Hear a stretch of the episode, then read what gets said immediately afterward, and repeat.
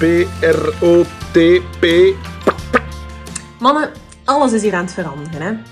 Normaal gezien zouden wij ehm, de Jean geïnterviewd hebben eh eergisteren, maar Christophe heeft corona. Totaal niet hip? Wie krijgt er nu nog corona? Maar goed, Ehm, we hebben toch een nieuwtje. We wilden jullie niet in spanning laten zitten. We hebben toch een nieuwtje. Ehm, meerdere zelfs. Eén, de t-shirts. Het is nu het moment om te bestellen. De laatste dagen gaan in. Kom aan, mannetjes. Zijn er in twee designs met heel veel kleuren. Je hebt echt geen enkel excuus. Ehm, daarnaast, een ander leuk nieuwtje. We gaan een live show doen. De eerste met mij. De eerste met mij. Vorige was met, nog met Eline. Ehm, en dat doen we in Café de Joker. Op 30 januari om 8 uur. Ehm, we doen dat niet alleen met ons twee. We hebben een beetje een special guest die voor ons komt eh MC'en, zoals dat heet. En dat is niemand minder dan de wisser himself, Rick van Geel.